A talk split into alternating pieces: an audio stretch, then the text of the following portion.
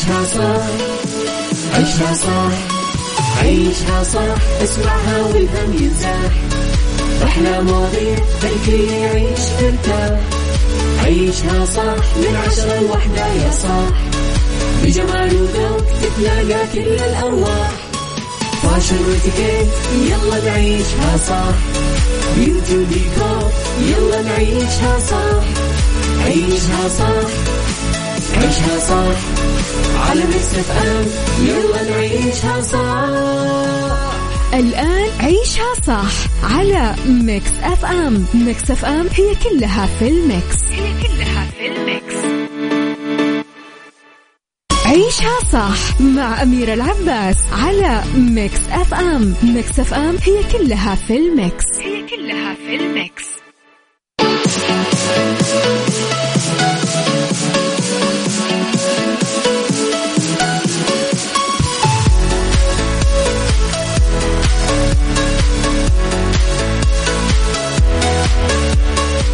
يسعد لي صباحكم صباح النور وصباح الخير وصباح خير الصباح نقول صباح الورد وصباح العبير وصباح الشهر والشوق الكبير. صباحكم كل شيء جميل إن شاء الله. يسعد لي هالصباح الجميل وصباح التفاؤل صباح المحبة. أه ودي ودي أقول لين بكرة وأتكلم في هالصباح الحلو. يسعد لي صباحكم كلكم معكم أخوكم عبد العزيز عبد اللطيف في برنامج ايشها صح اليوم بديل ونيابة عن أختي أميرة العباس. بكون معاكم إن شاء الله اليوم. طبعا آه، حلو الصباح اليوم صح؟ يا أخي جو الصباح غير. حرفيا غير وأنت رايح للدوام وأنت مداوم وأنت حتى وأنت نايم.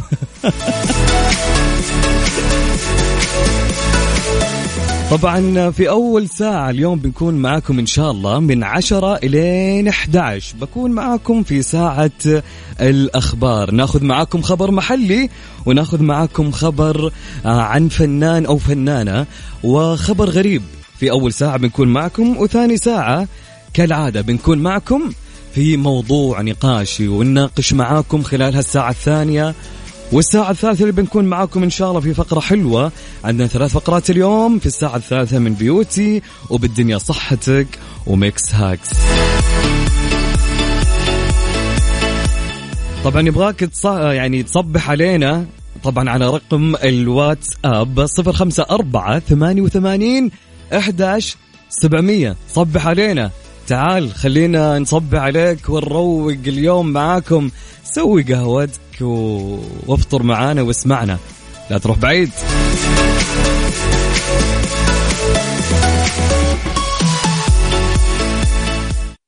عيشها صح مع أميرة العباس على Mix FM Mix FM هي كلها في ال mix. هي كلها في ال mix.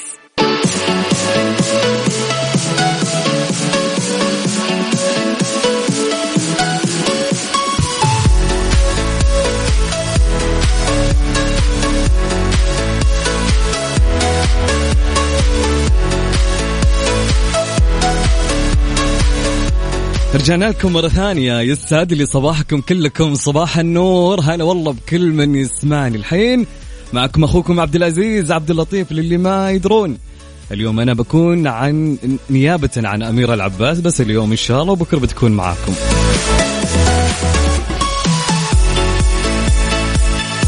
زي ما قلنا لكم أو زي ما قلت لكم اللي حاب يشارك معنا على صفر خمسة أربعة ثمانية وثمانين 11700 اكتب لي رسالتك. وصبح علينا يا جميل. خلنا نقرأ كلامك. خلنا نقرأ هالتفاؤل اللي عندك اليوم. طبعا في أول خبر معانا للساعة الأولى من الأخبار المحلية. التعديل على طلبات تملك العقارات مشروط. أكدت الأمانة العامة للجان المنظم أكدت الأمانة العامة للجان النظر في طلبات تملك العقارات التابعة للهيئة العامة لعقارات الدولة إحكام أنه يمكن التعديل على طلبات تملك العقارات التي تم رفعها عبر المنصة الإلكترونية. وبينت أن التعديل يجب أن يكون قبل إحالة الطلب إلى الفحص والدراسة بالأمانة وفي حالة وجود أكثر من عقار يجب أن يتم رفع كل طلب على حدة ويكون لكل عقار رفع مساحي مستقل. وأكدت إحكام أن التقديم لا يزال إلكترونيا عبر المنصة مع إمكانية اختيار مكتب هندسي خارج المنطقة الموجودة بها آه، العقار. آه، شريطة أن يكون المكتب معتمدا في منصة آه، التقديم.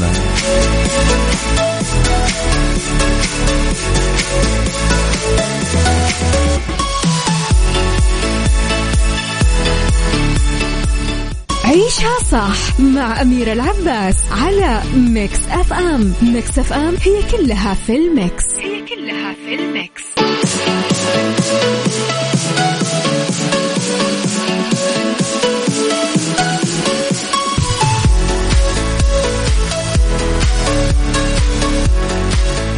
صباح الخير مرة ثانية. هلا والله وسهلا ومرحبا. يسعد لي صباحكم كلكم. أهلين وسهلين. معكم أخوكم عبد العزيز عبد اللطيف في آه، عيشها صح. اليوم بكون معاكم زي ما قلت زي ما قلنا لكم طبعا.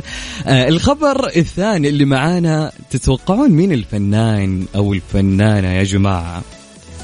ما تتوقعون صح؟ طيب بقول لكم طيب قبل ما نبدأ معاكم آه، أصبح على مين على الجميل آه، آه، أبو عدي. أهلا وسهلا يسعد لي صباحك يا جميل. هلا والله وسهلا ومرحبا.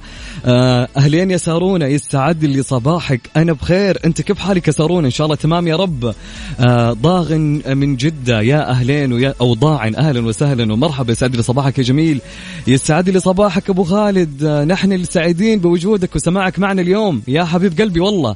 هلا والله يا خالد يسعد لي صباحك. انت الفل والورد والعسل والسكر وكل حاجة حلوة يا رجل. طبعا تحياتي لسلطان الصاروخ من المدينة. يا صباح النور والورد وأحلى صباح.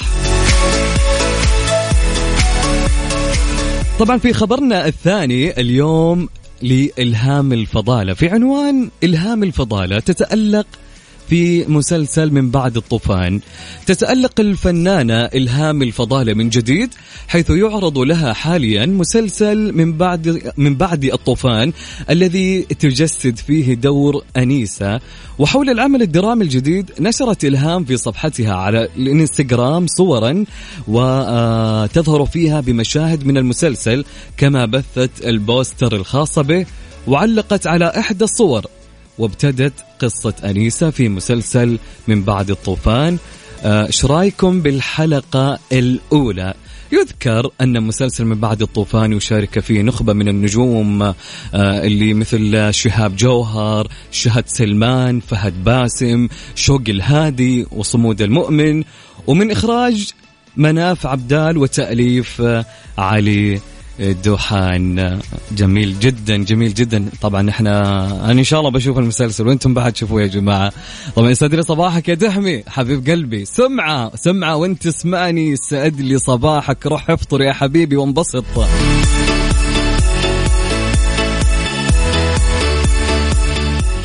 عيشها صح مع أميرة العباس على Mix FM Mix FM هي كلها في ال mix. هي كلها في ال mix.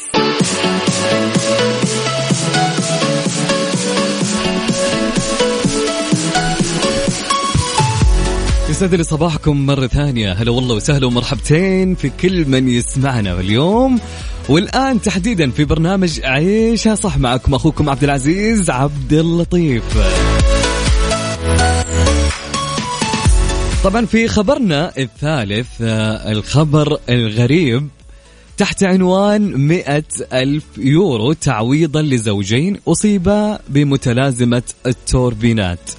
في حكم يعتقد أنه الأول من نوعه في فرنسا أقرت محكمة محلية بتضرر زوجين بما يعرف بمتلازمة التوربينات بعدما اشتكيا من معاناتهما من مشاكل صحية عدت نتيجة العيش بالقرب من مزرعة لإنتاج الطاقة الكهربائية من الرياح. وأمر قاضي المحكمة تولوز بتعويض لوك فوكارت وزوجته كريستل بمبلغ مئة ألف يورو. بعدما زعما أنهما عانيا على مدى أكثر من عامين من الصداع والأرق واضطرابات القلب والاكتئاب بجانب الدوار وطنين الإذن. وذكرت صحف محلية أن الزوجين أصرا على أن الأضرار الصحية التي أصابتهما نجمت عن الاهتزازات الصادرة من ست توربينات تعمل في مزرعة الرياح على بعد 700 متر من منزلهما في جنوب فرنسا. طبعا أفاد الزوجان بأن المشاكل الصحية بدأت تعكر صفو حياتهما بعد خمس سنوات من تركيب التوربينات في عام 2008 يا ساتر يا ساتر. يعني تخيل خمس سنين وهم يعانوا من المشكلة هذه؟ ولا ولا تكلم ولا قالوا. يعني ما أدري كيف. المهم آه، أشار فوكارت إلى أن تأثير الضوضاء الصادر عن التوربينات والتي شبهها بآلة الغسيل التي تعمل في مكان قريب بصورة مستمرة زاد بسبب إزالة منطقة الغابات. التي تفصل مزرعة الرياح عن المنطقة السكنية. يذكر أن دراسة أسترالية وجدت أن الإصابة بما يعرف بمتلازمة التوربينات الرياح من المرجح أن تحدث آه، بسبب عوامل نفسية ناتجة عن القلق العام من التحذيرات الصحية التي ينشرها نشطاء حول العيش بالقرب من مزارع الرياح. كان الله بعونهم والله. الحمد لله ما إحنا عايشين في فرنسا.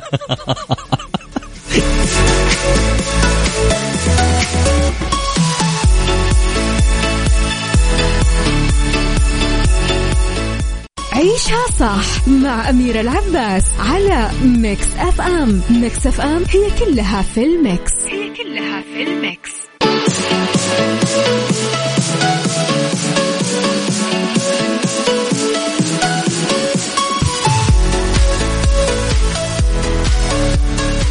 يسعد لي صباحكم مرة ثانية. باقي شوي وندخل على المساء صح؟ حلو. طيب باقي يعني نقول صباح الخير يا رب. صباحكم جميل للناس اللي يسمعوني معكم أخوكم عبد العزيز. عبد اللطيف مرة ثانية. يمكن قبل شوي كان في مشكلة صح في الصوت؟ في ناس يقولون إيش فيك تضخم صوتك؟ طيب تعدل الصوت الحين مرة ثانية ورجعنا والوضع تمام. أوكي عالي العال طيب آه زي ما قلنا لكم اللي حاب يشارك معانا على الواتساب صفر خمسة أربعة ثمانية وثمانين أحداش سبعمية. طبعا في الساعة الثانية عندنا موضوع اليوم بنتناقش معاكم فيه. تمام. الموضوع يقول عن الجدال السليم. لا شك أن الجدال السليم الذي يثير ويعزز الوعي ويستفز مكامن الفكر ضروري وصحي بل ويستحق أن يؤطر نقاشاتنا ويثري حواراتنا الصغيرة والكبيرة. فالجدال يا صديقي ويا صديقتي بمختلف أشكاله ومستوياته يمثل ظاهرة إنسانية وثقافية رائعة خاصة إذا أحسن استخدامه وتوظيفه وكان بعيدا عن المماحكات والمناكفات. طيب سؤالنا لهاليوم يقول لكم هل تفضل الخوض في جدال مع غيرك أم لا؟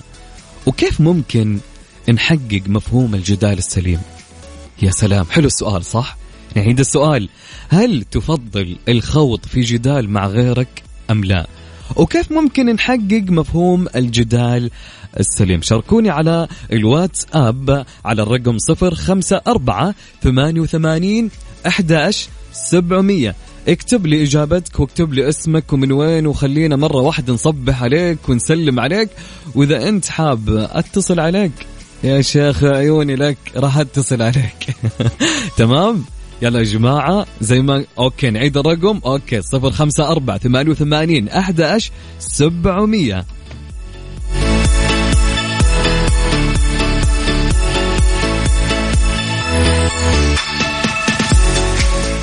عيشها صح مع أميرة العباس على Mix FM. Mix FM هي كلها في ال Mix. هي كلها في الميكس.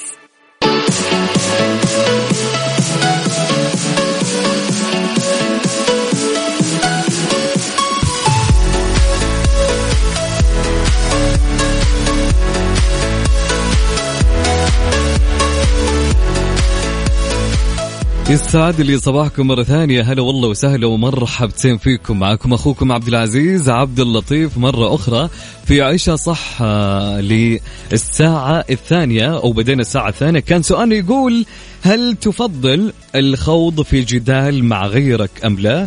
وكيف ممكن نحقق مفهوم الجدال السليم؟ طبعا كانت المشاركات على الواتساب على رقم صفر خمسة أربعة ثمانية وثمانين إحدى سبعمية. اكتب لي إجابتك واسمك ومن وين. عندنا إجابة من صديقتنا سنسونة من الرياض يسعد لي صباحك تقول يعتمد الجدال على حسب أهمية الموضوع ومدى كمية معرفتك بالموضوع. وكذلك يعتمد على الشخص اللي أمام الناس في الجدال معاهم اللي كانوا يعني الجدال اللي يكون معاهم عقيم ويرجع ذلك لشخصيتهم. مثلا التمسك برأيهم وعدم مقدرته على تقبل رأي الآخرين. والجدال السليم يكون لديك معرفة واضحة عن الموضوع ومع أشخاص قابلين للتفاهم ومتقبلين للنقد. شكرا لك يا سنسونة على الإجابة الجميلة. على سؤال اليوم. طبعا عندنا روان من الجبيل يسعد لي صباحك يا روان. تقول روان طبعا أفضل الخوض في نقاش والنقاش السليم يتحقق في حال ما اتخذت موقف دفاعي. إذا تعرض موقفك للهجوم وتمسكت بآرائك ووجهات نظرك وأسرارك أنك صح حتى لو على حساب الطرف الثاني والتجريح آه، فيه. حلوة إجابة روان ووجهة نظرها. يسعد لي صباحك نوف صالح من الرياض. تقول نوف آه، في إجابة مختصرة تقول الجدال مع الجاهل مضيعة للوقت. من جد أنا أتفق يا نوف. لخصتها نوف من الآخر. طيب عندنا حاتم خليل يسعد لي صباحك يا حاتم. حاتم يقول أنا ما أجادل آه، مع مثل الباب اللي يجيك منه ريح سدة واستريح.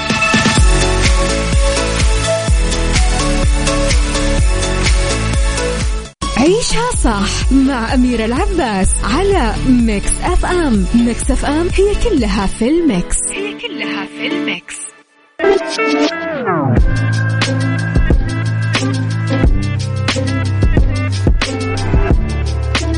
رجعنا لكم مرة ثانية. هلا والله وسهلا ومرحبتين. يسعد لي مساءكم. باقي شوي على المساء صح؟ هي باقي. طبعا في إجابة مرة عجبتني بكل أمانة. كانت لصديقنا ما كتب اسمه. كان يقول طبعا على السؤال اليوم كان يقول سؤالنا هل تفضل الخوض في جدال مع غيرك أم لا؟ وكيف ممكن نحقق مفهوم الجدال السليم؟ إجابة صديقنا يقول بعيد عن المزح أكيد راح يكون الجدال بإيجابيات. الموضوع اللي نتنا... اللي نتجادل فيه حتى لو كان سلبي نحاول ونتعاون بقلب السلبيات إلى إيجابيات. لأن لو كان سلبيات وخلاص انتهى الموضوع راح يتحول الموضوع من جدال إلى كل واحد ماشي بكيفه. مو مثل لما نكون إيجابيين. راح نطلع بشيء كلنا مستفيدين منه ويمكن يفيد غيرنا مو بس نحن. مفهوم الجدال الصحيح الطرفين أو أطراف الجدال مستمعين. هذه نقطة مهمة ومتفهمين وواعين للجدال. حلوة إجابته بكل أمانة. آه عجبتني إجابته. عندنا إيمان تقول إيوة عادي ليش لا؟ ومش ضروري أحد يقتنع برأي الثاني. إيمان اختلفت عن إجابته نهائيا. تقول مش ضروري أحد يقتنع برأي الثاني. المهم كل شخص يعرف إن كل أحد عنده رأي مختلف. أوكي وجهة نظر. طيب أه بقول لكم أنا يا جماعة كثير كثيره وثرية هي الأسرار والآداب الخاصة بالجدال السليم والنقاش المثمر خاصة تلك التي تسهم استقامة الحوار وتوجيه النقاش. السر الأول عدم الإصرار على الانتصار في كل جدال ونقاش. فلا أحد يملك الحق أو القدرة على ذلك. وعقلية ثقافة الفوز والخسارة في جدالاتنا ونقاشاتنا هي اللي راح تسقطنا في هاوية الصراعات والخلافات. تمام؟ مركزين معايا؟ أوكي. ركز في السر الثاني. السر الثاني يا صاحبي الجدال المبني على علم ومعرفة والمتكى على خبرة وتجربة وليس ذلك الجدال العقيم الواهي أو ذلك النقاش السقيم للتباهي. فالجدال اللي يقدم المعلومة ويمسك بالدليل هو الأكثر قيمة وفائدة. طيب لو سألتكم وقلت يا جماعة كيف نستطيع تحقيق مفهوم الجدال السليم مع الآخرين؟ ترى السؤال مرة مهم ومرة حلو ترى فعليا يهم. كيف نستطيع تحقيق مفهوم الجدال السليم مع الآخرين أو في الحوار معاهم؟ خذ السر الثالث مني أنا. بقول لك أو يقول لك السر الثالث ألا يكون الهدف من الجدال والنقاش هو فرض الرأي. حط خطين تحت فرض الرأي وقمع الرأي الآخر. بل على العكس تماما حينما يكون من أجل تبادل الأفكار والقناعات وتقريب وجهات النظر والمسافات شيء مهم جدا.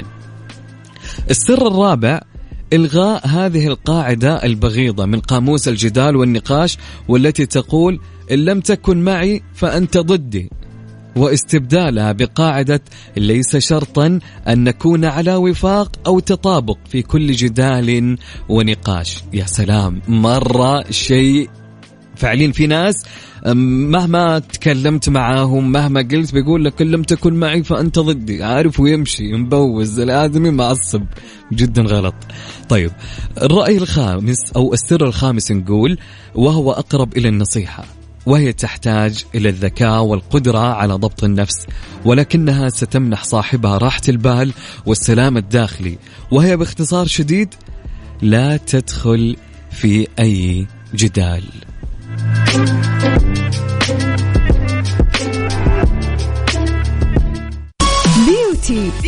ضمن عيشها صح على Mix FM FM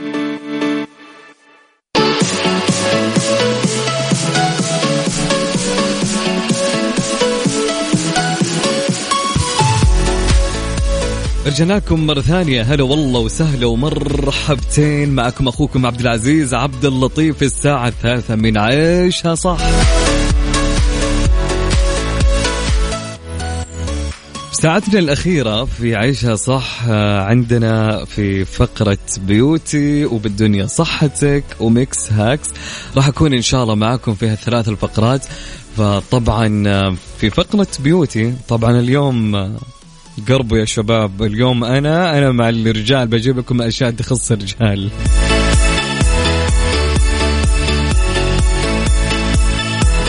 خلونا نتكلم يا شباب. حسبي عنصريه في الموضوع صح؟ بس خلاص كل يوم مع أميرة ما شاء الله قاعد تعطيكم أنتم يا يا بنات يا نساء أشياء ومعلومات. اليوم نبغى الرجال شويتين بما أن اليوم بدل أميرة.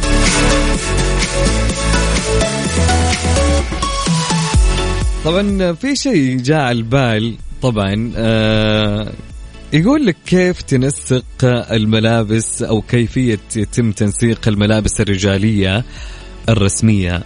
طبعا يجب أن يهتم الرجال بتنسيق ملابسهم الرسمية التي يحتاجون إليها أما بالاجتماعات المهمة أو مناسبات رسمية أو في طبيعة العمل. آه كمثال ناخذ مثل العمل داخل البنك أو الشركات الأخرى. حتى تقوم بتنسيق هذه الملابس يقول لك عليك إنك تتبع هالأمور اللي بقولها. توفير مجموعة مختلفة من الملابس الرسمية ويجب ارتداء الملابس اللي تناسب شكل ووزن الجسم. الاهتمام بألوان الملابس اللي تخفي عيوب الجسم ويجب أن تتناسب مع بعضها البعض بحيث يتماشى لون القميص مع البنطلون وهكذا. ربطة العنق ضرورية جدا في الملابس الرسمية للرجال ويجب اختيار لون مناسب. عاد تخيل ألبس بدلة وكذا ولونها صفرة كرفتة حمراء.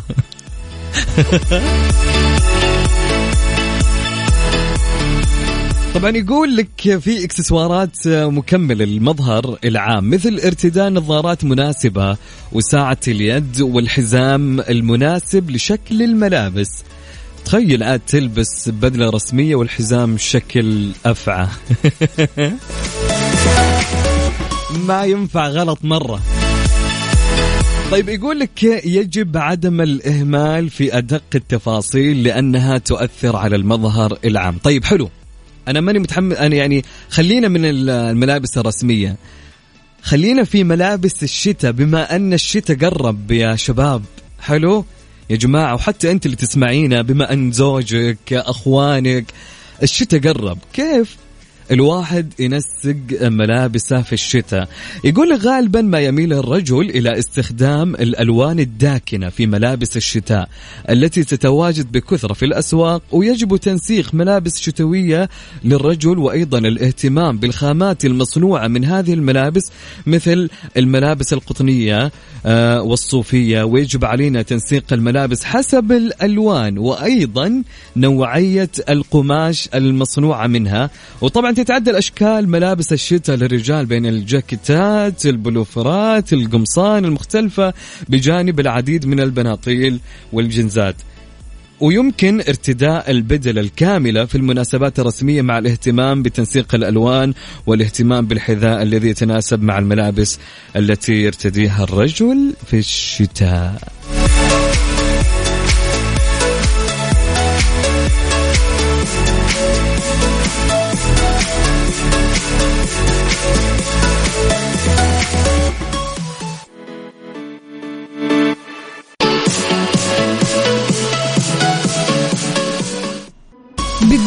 صحتك. ونعيشها صح.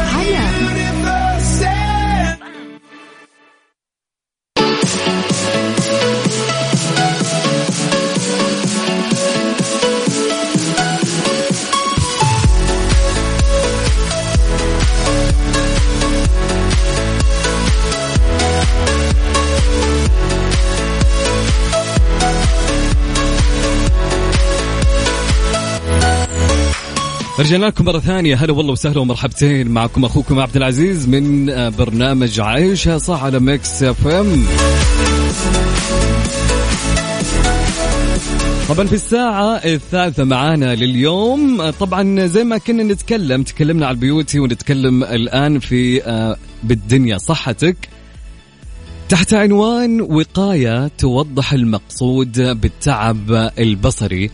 طبعا يؤدي الاستخدام المفرط للشاشات الإلكترونية والأجهزة الذكية إلى إصابة العين بمشكلات صحية تقلل من قوة الإبصار وتدهور الرؤية. وفي هذا الصدد فقد كشفت هيئة الصحة العامة وقاية عن المقصود بالتعب البصري على العين محذرة في ذات الوقت من أضراره.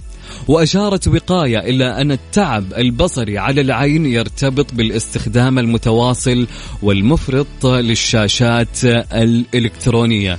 وأوضحت هيئة الصحة العامة وقاية أن هناك عدة أسباب للتعب البصري منها الإصابة بضعف الإبصار والإجهاد وألم الرأس الصداع كون أن العين تعمل بجهد أكبر في أجواء الإضاءة غير الطبيعية وانخفاض إنتاجية العامل لعدم شعوره بالراحة وإمكانية حدوث الإصابات نتيجة عدم الرؤية الجيدة لمواطن الخطر وعتامة عدسة العين. طيب لو نقول لكم آه، طرق الوقاية من التعب البصري ضرورة ركز معاي. أول نقطة ضرورة إغلاق العين لفترات وجيزة لتجنب جفاف العين.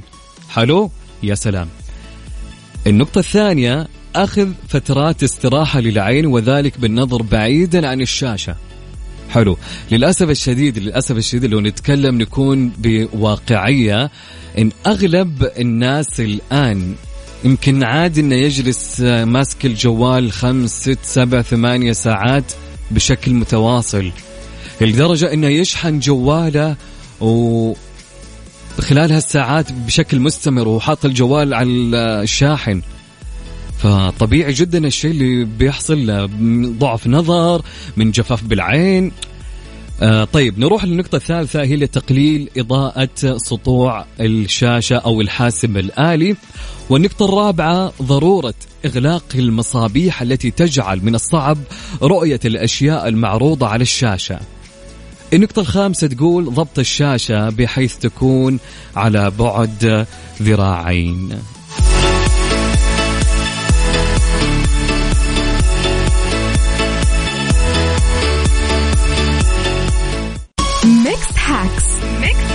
ضمن عيشها صح على Mix FM Mix FM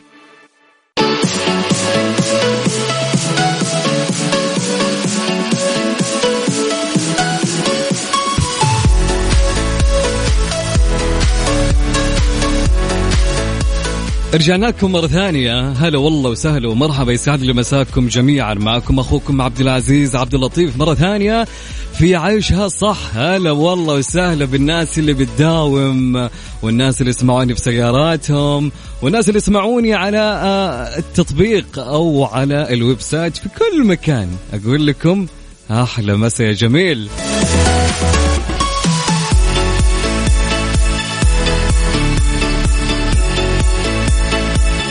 طبعا في آخر فقرة معانا في Mix Hacks آه، لموضوع اليوم اللي يتكلم تحت عنوان طريقة عمل معطر الجو في المنزل. حلو الكلام حلو الكلام يا جماعة.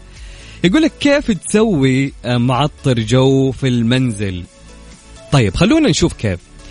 تتعدد الوصفات اللي تساعد في صنع معطر جو لغرف المنزل من دون الحاجة إنك أنت تروح أي مكان وتشتريه. وذلك عن طريق اتباع عدد من الخطوات السهلة والفعالة اللي بقولها لكم. وجهز ورقة وقلم يا صاحبي ويا صديقتي عشان تسجلوا معايا.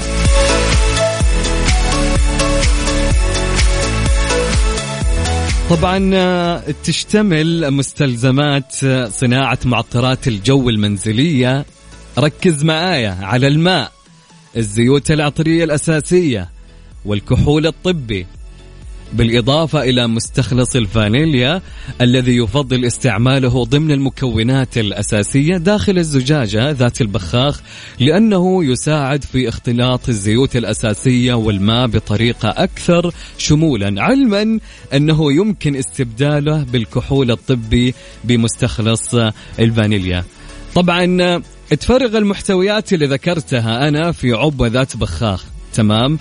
طب لو قلنا معطر الجو برائحة اللافندر المهدئة كيف؟ يمزج ثلاثة أرباع الكوب من الماء مع ملعقتين كبيرتين من مستخلص الفانيليا وعشرة قطرات من زيت اللافندر وخمس قطرات من زيت البابونج. حلو حلو الكلام. هذا أول شيء.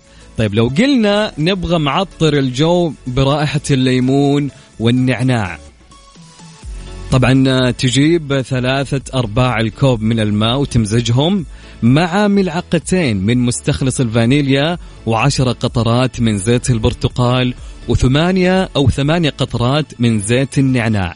بعد اختيار معطر الجو المناسب لك وتحضير مكوناته لابد من إنك تتبع الخطوتين الآتيتين. أول خطوة لا يمكن التخفيف من كمية الزيوت الأساسية في كل وصفة. مع استعمال قمع لتفريغ الخليط في الزجاجة ذات البخاخ وذلك لتقليل الانسكابات.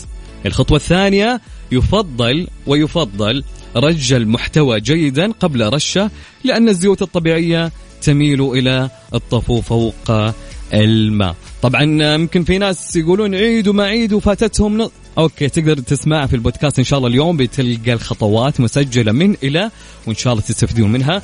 آه لين هنا نقول لكم نستودعكم الله. اشوفكم إن شاء الله بكرة أو نشوفكم مع أمير العباس من عشرة لين وحدة في عيشها صح. كنت أنا معكم اليوم نيابة عنها أخوكم عبد العزيز عبد اللطيف. في أمان الله ورعايته.